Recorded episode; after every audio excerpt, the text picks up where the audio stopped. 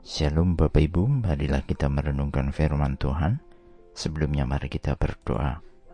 Tuhan kami hendak merenungkan firman-Mu, pimpinlah kami senantiasa.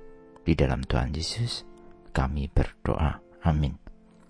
Bacaan saat ini diambil dari Galatia 1 ayat 10. Galatia 1 ayat 10. Jadi bagaimana sekarang?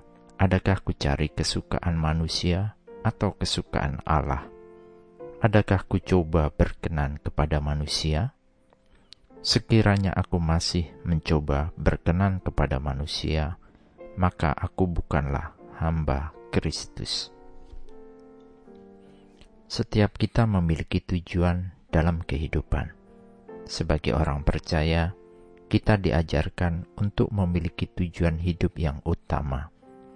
Alkitab sebagai panduan kehidupan kita di dunia sangat jelas menguraikan apa yang seharusnya menjadi tujuan hidup utama kita. Kisah para tokoh dalam Perjanjian Lama dan Perjanjian Baru menjadi teladan bagi kita bagaimana mereka mencari dan menemukan tujuan kehidupannya, dan kesemuanya memuliakan Tuhan dijadikan sebagai tujuan kehidupan mereka. Seperti bacaan saat ini, Rasul Paulus menekankan apa yang seharusnya menjadi pilihan kita, menyenangkan manusia atau hidup menyenangkan Tuhan. Seperti kehidupan Paulus, tujuan hidup Paulus adalah mengenal Kristus, dibenarkan oleh iman dalam Kristus, dan hidup bersekutu dengannya. Meskipun hal itu berarti penderitaan bagi Paulus. 2 Timotius 3 ayat 12 Memang setiap orang yang mau hidup beribadah di dalam Kristus Yesus akan menderita aniaya. Sebagai orang percaya kita menyadari bahwa untuk menyenangkan Tuhan, kita akan mengalami banyak kendala dan tantangan, bahkan aniaya. Dan itu menjadi bagian yang harus dihadapi orang-orang percaya di dunia ini.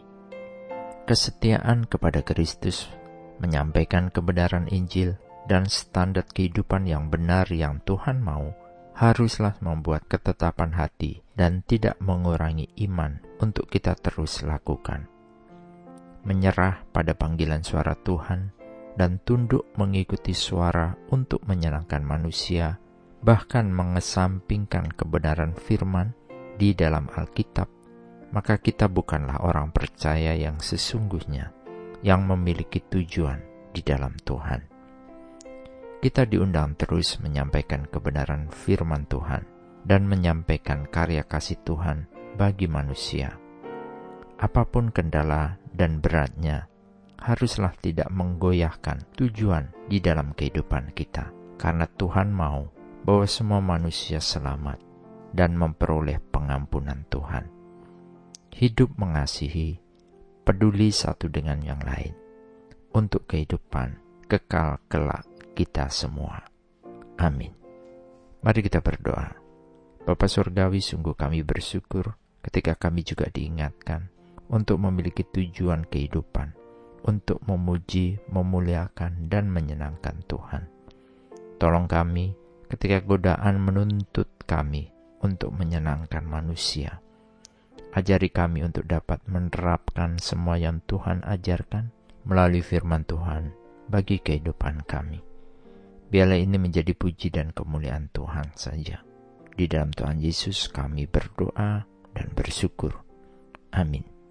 Tuhan Yesus memberkati. Shalom.